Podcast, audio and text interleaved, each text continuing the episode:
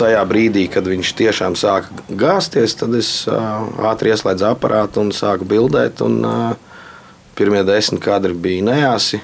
Bet nu, man kopumā sanāca 250 kadri, gan arī kā video sanāca. Līdz brīdim, kad teju 80 metrus augstā stēle kritīs, Nacionālās informācijas aģentūras leta fotožurnālista Medijam Pālānam nācās gaidīt 8 stundas.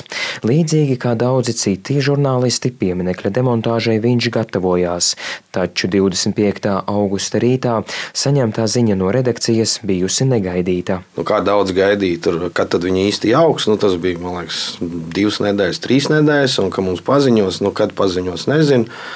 Tad man no rīta jā, redaktore atraksta veltes bikses un skrien uz pieminiektu. Un, un, un es biju izpētījis pirms tam arī vietas, apmēram, no kurienes fotografēšu, un tad konkrētajā vietā man arī sanāca fotografēt.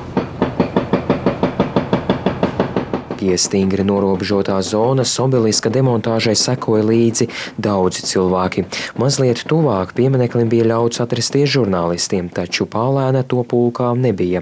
Viņa nebija arī starp interesantiem, kuri savas ierīces bāza starp režģīto žogu, lai attēli sanāktu kvalitatīvāki taču Letas fotogrāfa 250 kadros iemūžinātais septiņu sekundžu garais pieminekļa kritiens rada sajūtu, ka žurnālists piemineklim atradies daudz tuvāk par pārējiem. Vietas es biju noskatījis vairākas, vadoties pēc iepriekšējā gada fotografijām, nu, kur varētu būt tas labākais leņķis, kā arī pēc gada laika, vai ir lapas priekšā vai nē.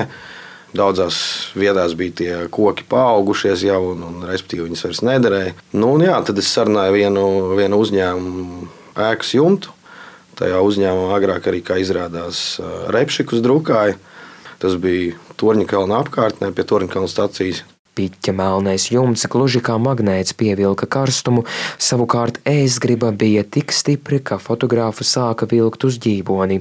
Lai gan raugoties uz amerikāņu psihologu un filozofa Abrahama Maslova vajadzību hierarhiju, fizioloģiskās vajadzības cilvēkam ir būtiskākās, Todien pats svarīgākais bija sagaidīt, kad 1985. gadā atklātais piemineklis būs gāsts.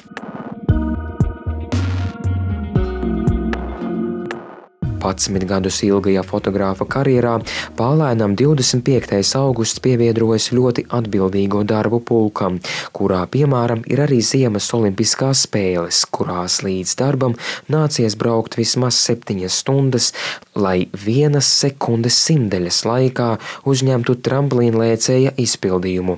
Galvenais ir atrast veiksmīgu vietu, saka Pālēns, neslēpjot, ka pieminekļa gāšanā viņš izraudzījās unikālu skatu.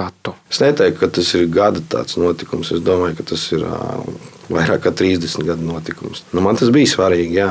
8 stundas, 20 stundas, vienalga, cik vajadzēs, tik stāvēs. Kā jūs vērtējat vispār to, ka tas tika gāsts?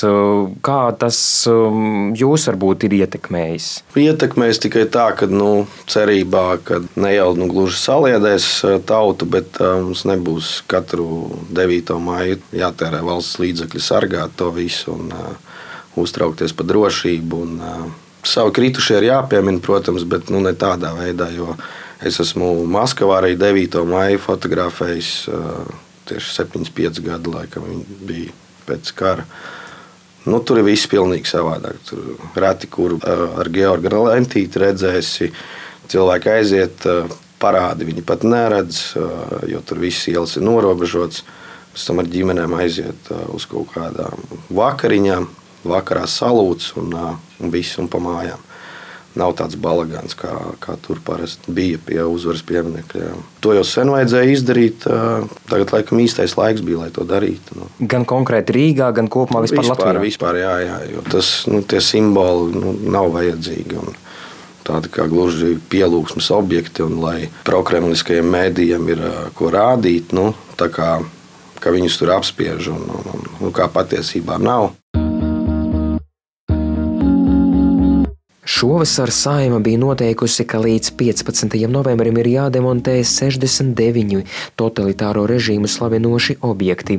Visas pašvaldības likumu ir ievērojušas, klāt pievienojot vēl 55 objektus, kuru vidū ir arī piemineklis uzvaras parkā.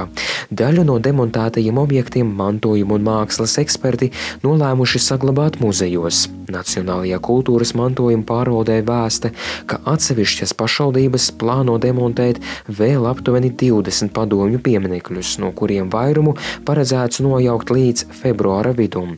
Tādējādi kopumā nojaukto objektu skaits būs jau vismaz 140.